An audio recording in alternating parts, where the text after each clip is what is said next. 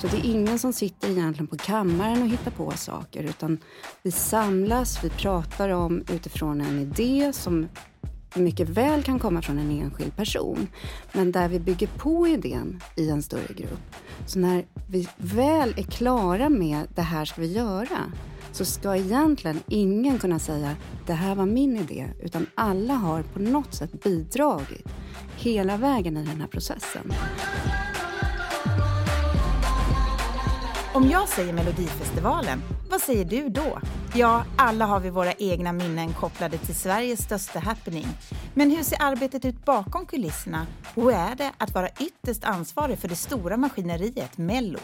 Det här tar vår host Sofie Ljungman reda på när vi idag möter Annette Brattström, exekutiv producent på SVT.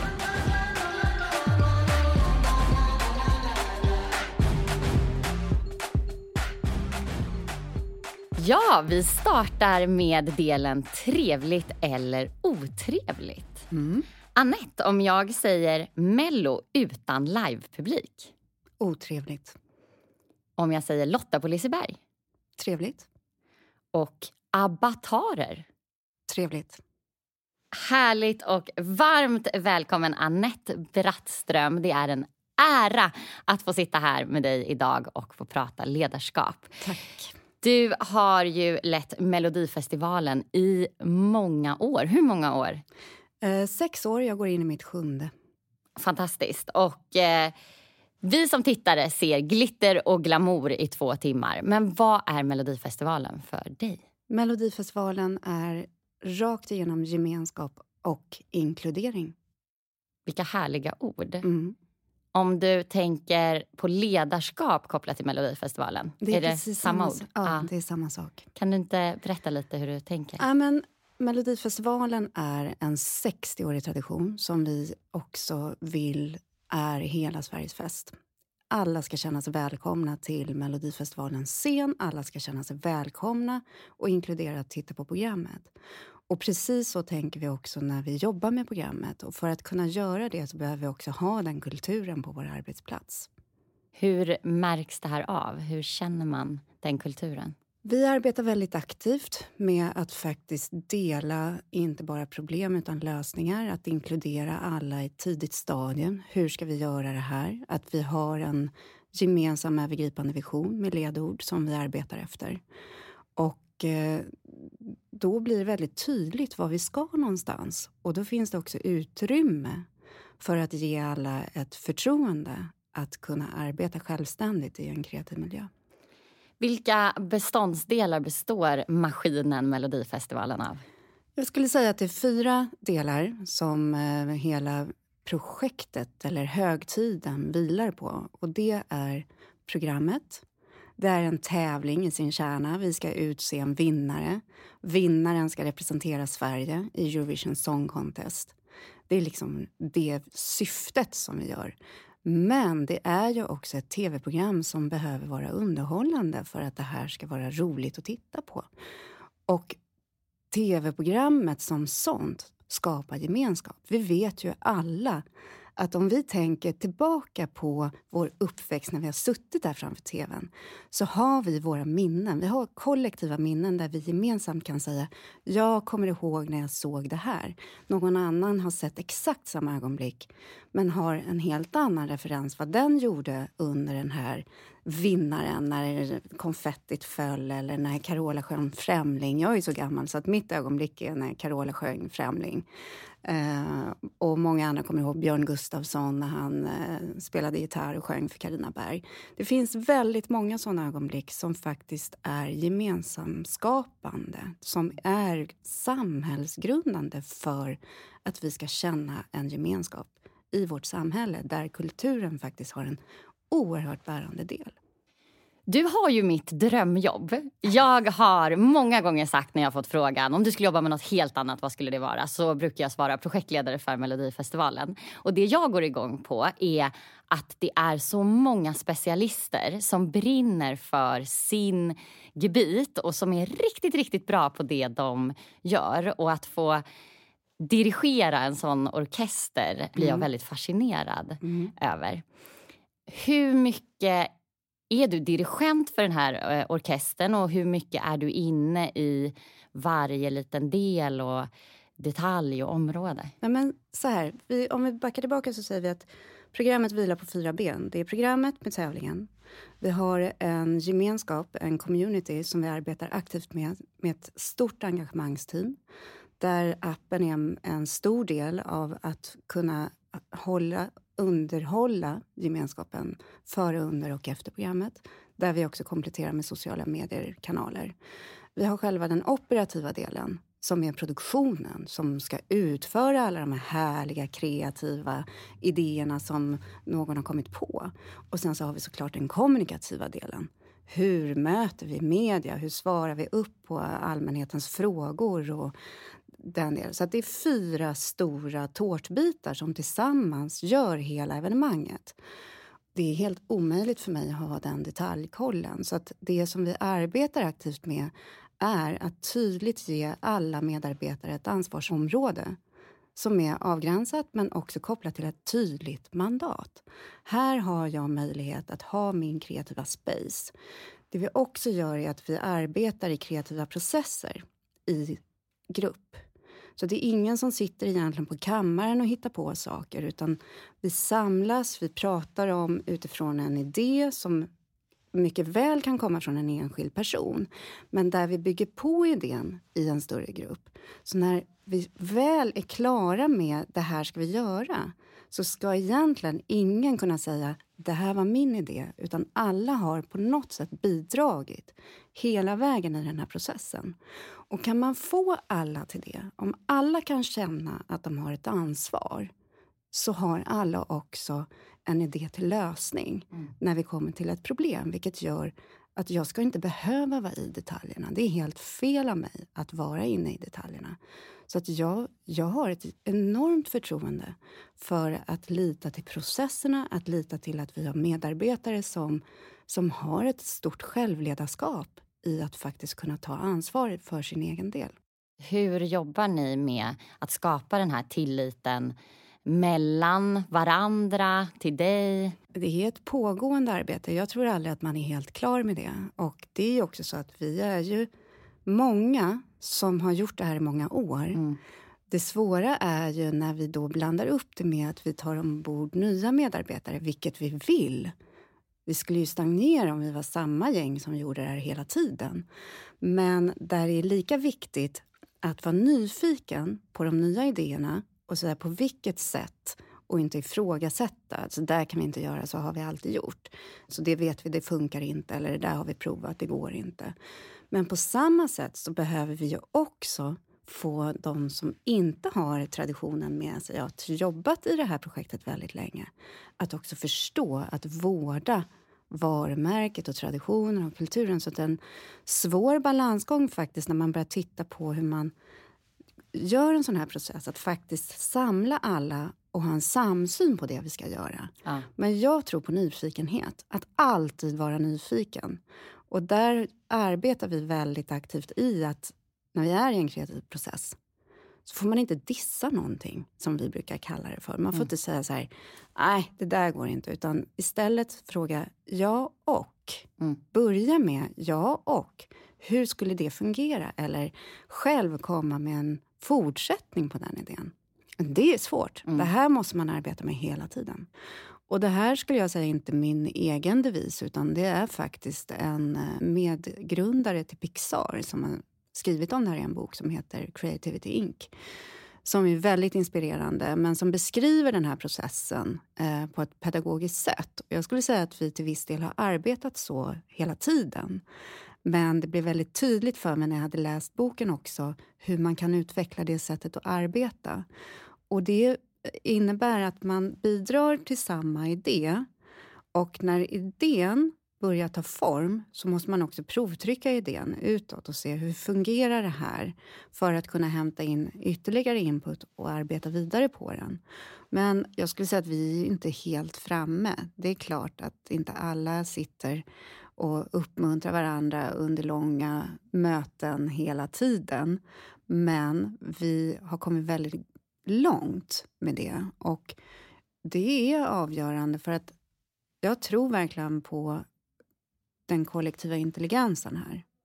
Om vi vill vara kreativa och göra en framåtrörelse finns det inte ett geni. Vi har kanske sju genier i det här rummet. Och att inte utnyttja allas egna erfarenheter, spetskompetenser Ja. i det här Definitivt. det är att kasta bort kunskap och kasta bort möjligheter som vi inte ser. Och där kan det ju vara så att vi har en vision om någonting. Om man bara lämnar ut visionen och säger hur skulle din take vara på det här? Så kan vi ju få lösningar som vi själva aldrig hade tänkt på. Ja. Och det är precis så som det måste fungera när man går från min idé till att vi utvecklar någonting Ja. tillsammans. ja, det krävs ju mångfald och olika perspektiv Ja. för att få en idé att växa. Det är ganska sällan en idé är helt klockren initialt. Ja. Den, precis som du säger, behöver byggas på. Ja. Och, och även om känslan när man själv har fått igenom sin idé, härligt. Men känslan när mitt team har jobbat fram det här, vi gjorde det tillsammans, wow! Vi spånade vidare på varandras. Den känslan är oslagbar. Ja, det är det verkligen. Det här står vi ju alla för, att det kommer in nya personer i vår grupp som vi behöver. Vi behöver nya perspektiv och nya kompetenser, precis som du är inne på. Hur kan vi jobba med att skapa tillit i en sån grupp och att eh, ja, men lära känna varann och jobba med relationen? Hur gör ni? Har du några konkreta exempel? Ja, konkreta exempel är att vi nu arbetar väldigt mycket med välkomnandet. När någon kommer till arbetsplatsen, att man direkt får känna att det här är vad Melodifestivalen står för. Jag har till och med gjort en ordlista som är, det är premiär för i år. Men vi Ah. kallar den för Mellolingo. Vi Ah. har väldigt många egna interna uttryck.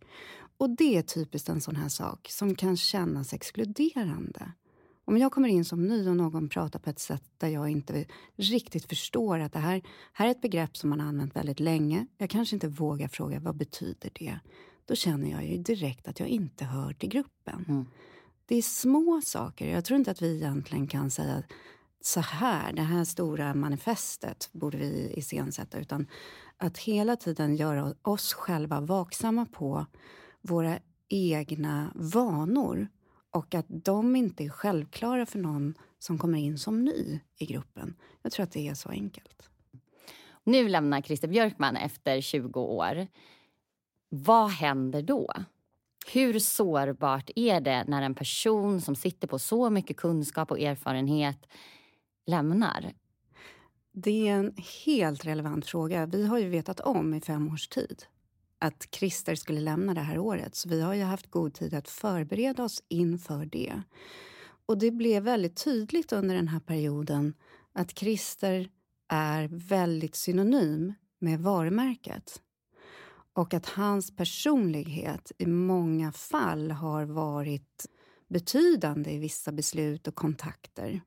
Och där har ju vi behövt arbeta in att det här är ett uppdrag, det finns ansvar, det finns eh, visioner och mål som faktiskt är kopplade till programmet Mm. och programmets vision och inte till Christer Björkman som person där han ju bidragit oerhört till vad varumärket är idag. Men där vi har fått verkligen arbeta med oss själva. Vad är det Christer gör? Hur ser hans roll ut? Att gå ut och rekrytera en ny Christer Björkman är en omöjlighet, för det finns bara en. Vad är det han egentligen bidrar med till oss som vi behöver ersätta? Ja. Och där har ju vi kommit fram till att det är inte en person utan vi har ju delat upp det på flera roller och fått tydliggöra och arbeta mycket mer aktivt med våra egna ansvarsbeskrivningar och vad vi förväntar oss av varje person. För där har ju Christer i mångt och mycket kunnat arbeta efter eget huvud. Och det fungerar inte i det långa loppet. Det har fungerat så länge Christer är kvar, men det blir inte hållbart när vi plötsligt byter ut honom.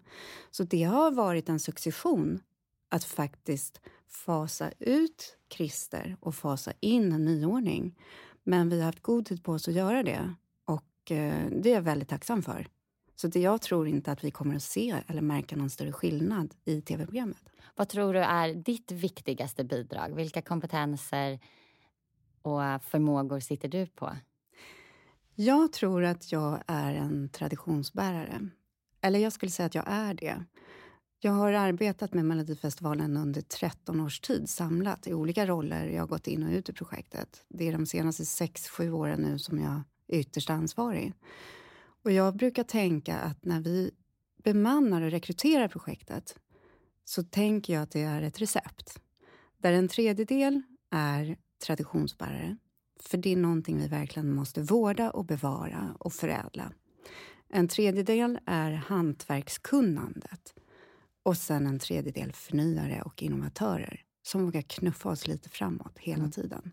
Då tror jag att vi har den perfekta mixen inom vår redaktion för att ha kompetens att samtidigt bevara vad Melodifestivalen är och vad tittarna förväntar sig att få se men också hela tiden försöka överraska, innovera, komma med någonting nytt och ligga i framkant. Melodifestivalen är ju lite speciellt där själva evenemanget är under en viss period.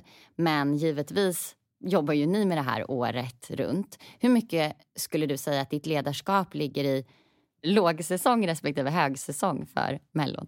Nej, men det skiftar. Det har olika karaktär. Jag skulle dela in året i cykler. En cykel är ju när lamporna slocknat och finalen är över. Och Då börjar ju cykel för nästa års produktion. Det är ju en tid för återhämtning, framförallt utvärdering, debrief och också utveckling. Här är ju vårt enda fönster att faktiskt se över formatet och göra stora ändringar och också måla upp visionen inför nästa år. Här är vi en ledningsgrupp. Och Det är en av de delarna som vi tillsatte nu under successionsordningen. Att vi faktiskt har en ledningsgrupp som aktivt är utpekade. De är där av en anledning. De har en uttalad profession de representerar alla de här delarna som jag nämnde förut. Det är produktion, det är program, det är tävling, det är engagemang och gemenskap. Så de finns med i ledningsgruppen och här sitter vi och tittar på vad är det vi vill göra till nästa år.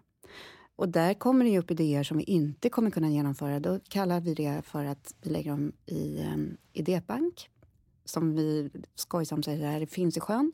Här kan vi dra upp lite kort när som helst. Perfekt. Ja. Efter sommaren så går vi in i förproduktion. Och då är vi ju igång. Då ska ju de flesta vara rekryterade, vi ska veta vad vi ska göra och vi ska ha förankrat de stora besluten om vår vision, om programledare och hur tävlingen ser ut. För då ska allting börja rullas ut. Och sen så går vi in i produktion från januari till mars och då är det bara att blåsa på. Då finns det ingen tid för eftertanke. Utan då får man bara försöka manövrera den här pansarkryssaren så gott det går och hoppas att man har tänkt på allting. Om man skulle säga vilka kompetenser i ditt ledarskap används mest i respektive fas här? Inledningsvis i utvärderingsfasen och utvecklingsfasen så arbetar vi väldigt inkluderande på det sättet att då jobbar vi ju i den här kreativa processen där vi säger så här, jag har en idé, vi vill göra det här med tävlingen. Och då är ju mitt arbete att utveckla det så att alla, alla perspektiv mm kommer till användning så vi inte missar någonting här eller kastar ut någonting med badvattnet som vi För inte ser. Det var någon annan som skrek ja. högst. Och, mm. och, och, det skulle jag säga, vi har ju ett par förändringar som vi kommer att presentera så småningom redan i år. Och det är typiskt såna förändringar där man egentligen inte kan säga ja men det här var min idé. Det är klart att det är någon som en gång sa så här, jag har tänkt att vi skulle kunna göra så här. Men det färdiga resultatet är inte mm. ens idé. Utan det är hela gruppen, det är hela ledningsgruppen som har suttit och knådat det här och där vi också tar in expertis från, från de som verkligen kan om vi känner att det här måste vi provtrycka eller det här måste vi testa och fungerar det här i praktiken och vad tror vi om det här egentligen? Sen har ju jag en ledning också som jag presenterar våra idéer för som ska förankras. Så där är det ju att vara väldigt eh, lyhörd, följsam. Det är en underbar process. Här finns det ju egentligen inga ramar för budget eller vad som är mm. möjligt. Utan här är ju liksom stjärnorna taket. Här ska vi sikta högt.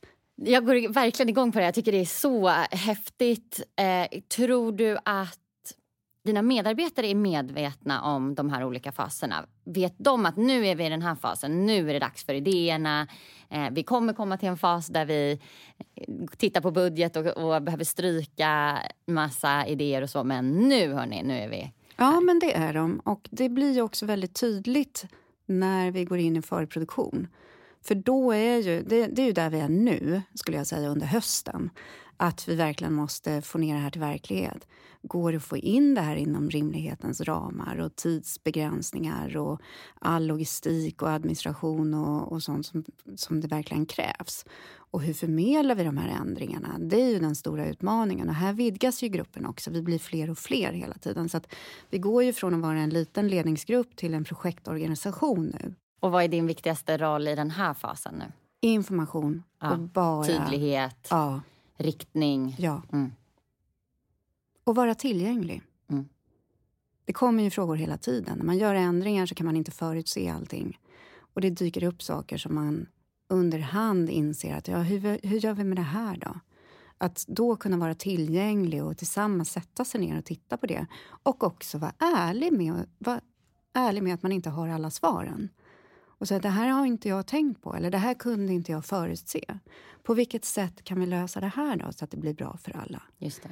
Så att man också avdramatiserar det lite grann. Att när det uppstår problem eller utmaningar att visa att man är där och stöttar och säger hur gör vi det här tillsammans nu då?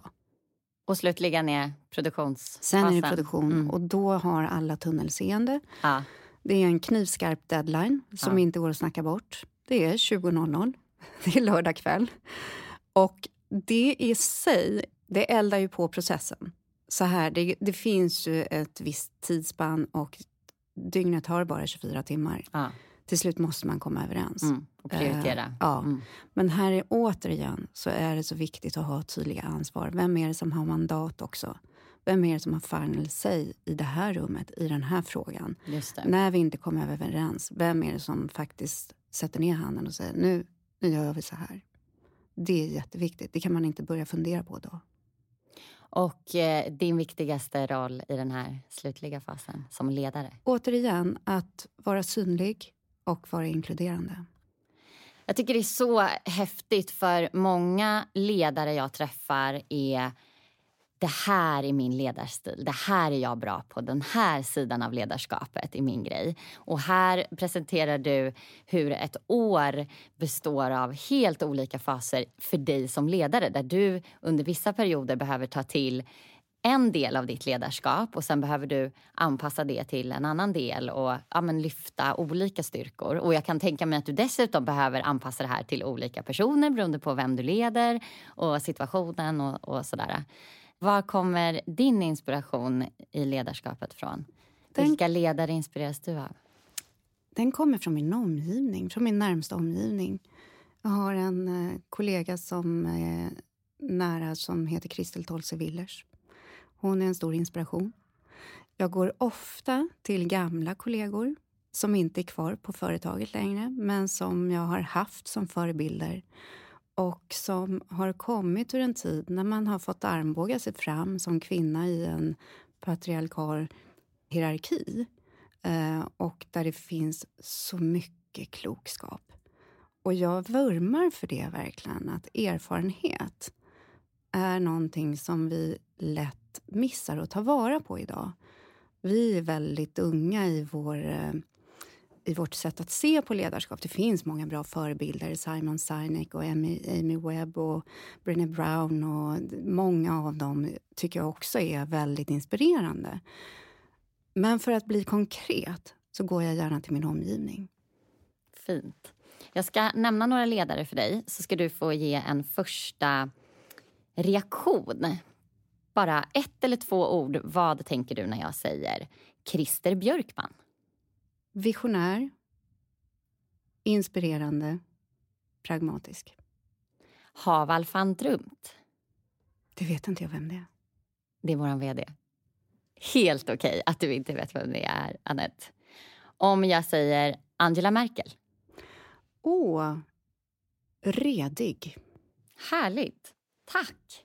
Tack. Jag har en fråga från en kollega och lyssnare som undrar hur du skapar en överblick över hela projektet. Ja, till att börja med så är ju projektet en eh, levande organism. Vi är till en början sju personer under den här utvecklingsfasen och förproduktionen. Och då har vi regelbundna ledningsgruppsmöten helt enkelt. Där vi stämmer av med varandra och där vi arbetar framåt. Under förproduktion så är vi ungefär 30 personer som arbetar på heltid på kontor, då om vi lever i en vanlig värld. Och eh, då har vi avstämningsmöten och fortsatt också ledningsgruppsmöten. Så det blir fler och fler möten skulle jag vilja säga. Mm. Men framförallt försöker jag också att göra mig ledig och tillgänglig och vara synlig på kontoret och inte inlåst i mötesrum hela tiden. Jag märker ju det att om man är ute på golvet eller om man är i, en, eh, i ett kontorslandskap så kommer det ju frågor till en. Det gör det inte om man sitter inne.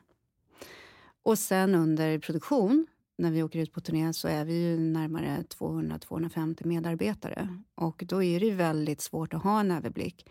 Men jag brukar ha som en, eh, ett uppdrag för min egen del att under de där veckorna ha varit på alla positioner i hela produktionen. Ah. Det tycker jag är jätteviktigt. Och gör man sig då synlig och tillgänglig så får man ju en inblick. Folk vill ju gärna berätta vad de gör och eh, man har ju också en möjlighet att ställa nyfikna frågor. Hur många skulle du säga är återkommande år efter år och hur många personer är nya mellan åren? Jag skulle säga att det är hälften som mm. är återkommande.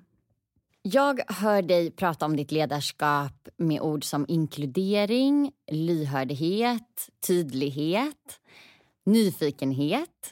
Om du skulle lyfta blicken och jobba med någonting helt annat där du fick använda de här förmågorna och kompetenserna som du har. Var tror du att de skulle komma till gagn då? Var skulle du kunna nyttja de här sidorna på ett bra sätt? Jag älskar ju det jag gör. Jag har väldigt svårt att tänka mig att jag gör någonting annat. Men... I en annan värld där Melodifestivalen inte finns. Du får drömma stort och fritt.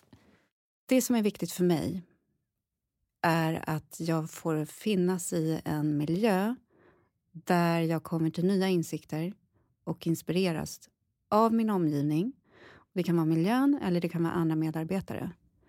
Om det är då en institution eller en eh, organisation eller en konkurrerande bransch, det är inte lika viktigt. Jag har svårt att peka ut att det är den här arbetsplatsen utan snarare att det är de behoven som jag ser framför mig som är viktiga för mig. Mm.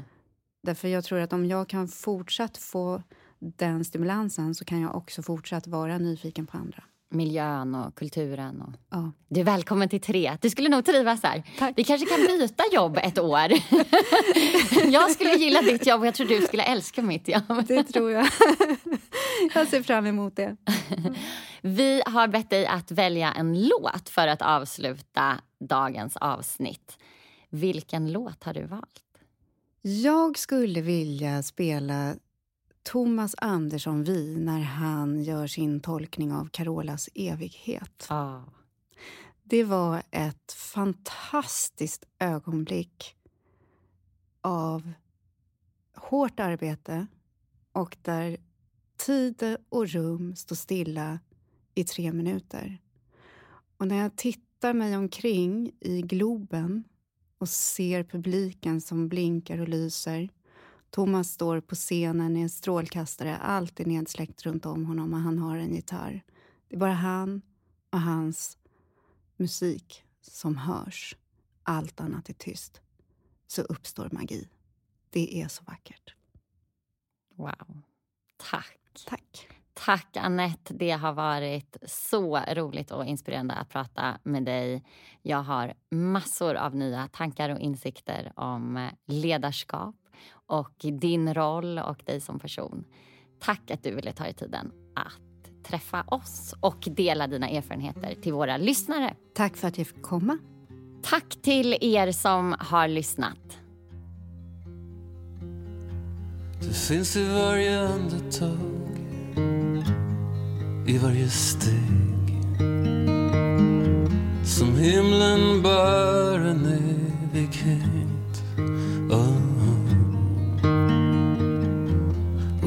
Tiden den står stilla när vi rör varann, mitt hjärta brinner när kärlek